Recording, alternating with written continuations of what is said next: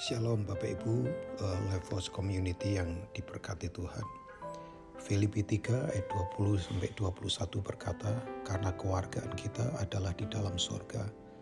Dan dari situ juga kita menantikan Tuhan Yesus Kristus sebagai juru selamat yang akan mengubah tubuh kita yang hina ini sehingga serupa dengan tubuhnya yang mulia menurut kuasanya yang dapat menaklukkan segala sesuatu kepada dirinya.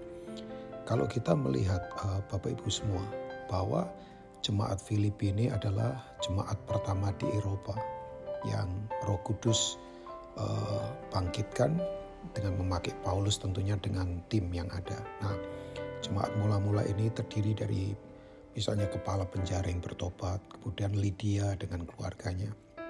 Nah, jemaat ini karena tinggal di wilayah Eropa, ya selain tekanan-tekanan intimidasi yang mereka alami, tapi yang paling berbahaya adalah kenyamanan, fasilitas, ya keduniawian yang menyerang mereka dari semua sisi. Ya baik itu secara paradigma, secara tawaran-tawaran yang ada. Makanya kemudian Paulus mengingatkan bahwa sebetulnya kita ini adalah para musafir, kewargaan kita ini ada di dalam sorga.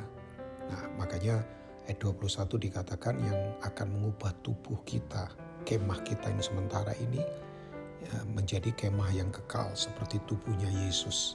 Nah, saya ingin mengajak kita uh, jemaat atau semua yang ada di Levels Community sadari bahwa semua kita ini adalah para musafir yang sedang melakukan perjalanan menuju kepada kekekalan.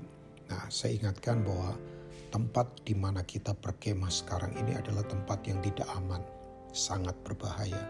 1 Yohanes 5 ayat 19 dikatakan, sebab kita berasal dari Allah. Nah ini yang harus jadi identitas kita. Kita adalah anak-anak Allah. Tetapi dunia ini dikuasai oleh si jahat. Ya dengan sistem yaitu sistem keinginan 1 Yohanes pasal 2. Kalau Bapak Ibu bisa membaca di ayat 15 sampai seterusnya yaitu keinginan mata, keinginan daging, dan keangkuhan hidup. Jadi dunia ini dikuasai oleh sistem ini. Makanya kita ada di tempat yang uh, dikuasai atau kita berhadapan dengan ini. Tapi Alkitab berkata, dan dunia ini dengan keinginannya sedang lenyap. Makanya dengan krisis yang sekarang ini terjadi, memang dunia ini sedang lenyap dengan keinginannya. Jadi saya ingatkan kalau kita ada dalam proses, sekarang ada krisis di mana-mana, karena memang sistem di mana kita ada sekarang ini, sistem dunia sedang lenyap. Tapi yang berikutnya lagi dalam kemusafiran kita harus sadar bahwa kemah kita ini sementara, tidak permanen. Satu kali pasti dibongkar. Dibongkar oleh penyakit, dibongkar oleh kematian, dibongkar oleh kecelakaan, ya. Nah, pertanyaan saya, apa yang sekarang ini kita miliki? Itu kan semua dari Tuhan. Pertanyaannya, bagaimana kita menjalankannya.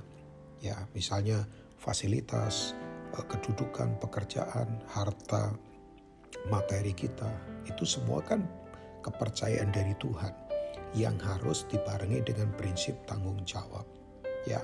Nah, mari kita sungguh menyadari bahwa satu kali kemah kita akan dibongkar. Pertanyaan saya, waktu nanti kita berjumpa dengan Dia, apakah kita bisa mempertanggungjawabkan secara niscaya, eh, secara niscaya semua yang Tuhan percayakan pada kita tentunya.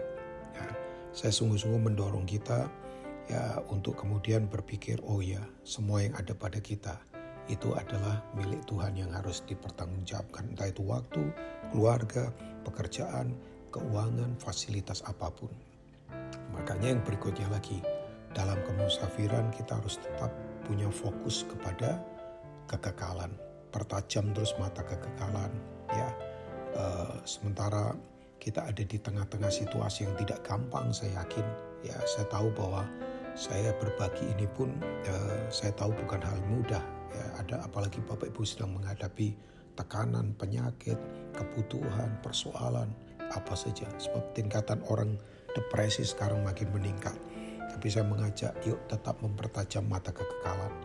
Seperti 2 Korintus pasal 4 ayat 18 berkata, sebab kami tidak melihat yang kelihatan, tetapi kami melihat atau memperhatikan yang tidak kelihatan.